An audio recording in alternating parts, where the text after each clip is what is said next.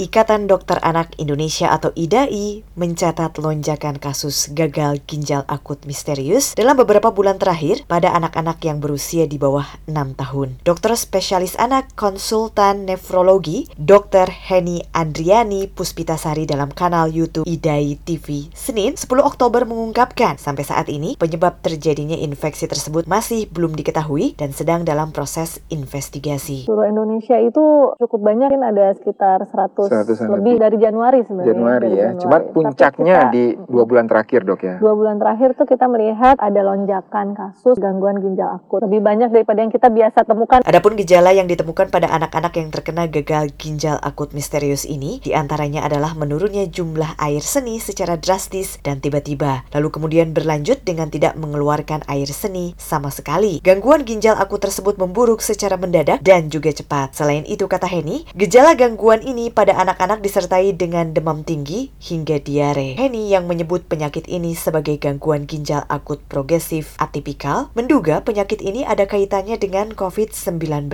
Pasalnya penyakit ini kebanyakan teridentifikasi pada anak-anak yang berusia di bawah 6 tahun yang belum memiliki kekebalan terhadap COVID karena belum divaksinasi. Maka dari itu sambil menunggu hasil investigasi terkait penyakit ini, Henny meminta para orang tua waspada apabila memiliki anak di bawah usia 6 tahun yang memiliki memiliki gejala-gejala seperti yang disebutkan sebelumnya. Ahli epidemiologi dari Universitas Indonesia, Pandu Riono mengungkapkan penyebab dari gagal ginjal akut misterius pada anak ini perlu diinvestigasi secara mendalam. Menurutnya, tidak semua penyakit bisa disangkut pautkan dengan COVID-19 hanya karena status pandemi masih ada. Kita pelajari bersama lah kenapa kok sampai terjadi seperti itu. Kenapa kok hanya di Jakarta, Surabaya, atau beberapa kota besar aja. Ada yang mengatakan itu kaitannya dengan leptospirosis kan ini musim banjir di musim banjir kan tikus itu kan sering membawa kotoran yang yang tergenang sama air gitu. Anak-anak main di air dan kotorannya ada infek kuman yang namanya leptospirosis. Nah, juga bisa menyebabkan gangguan ginjal akut. Menurutnya untuk mengetahui penyebab pasti dari gagal ginjal akut misterius pada anak-anak membutuhkan waktu yang tidak sebentar. Ia berharap investigasi dapat dilakukan dengan seksama. Dari Jakarta Gita Intan melaporkan untuk VOA Washington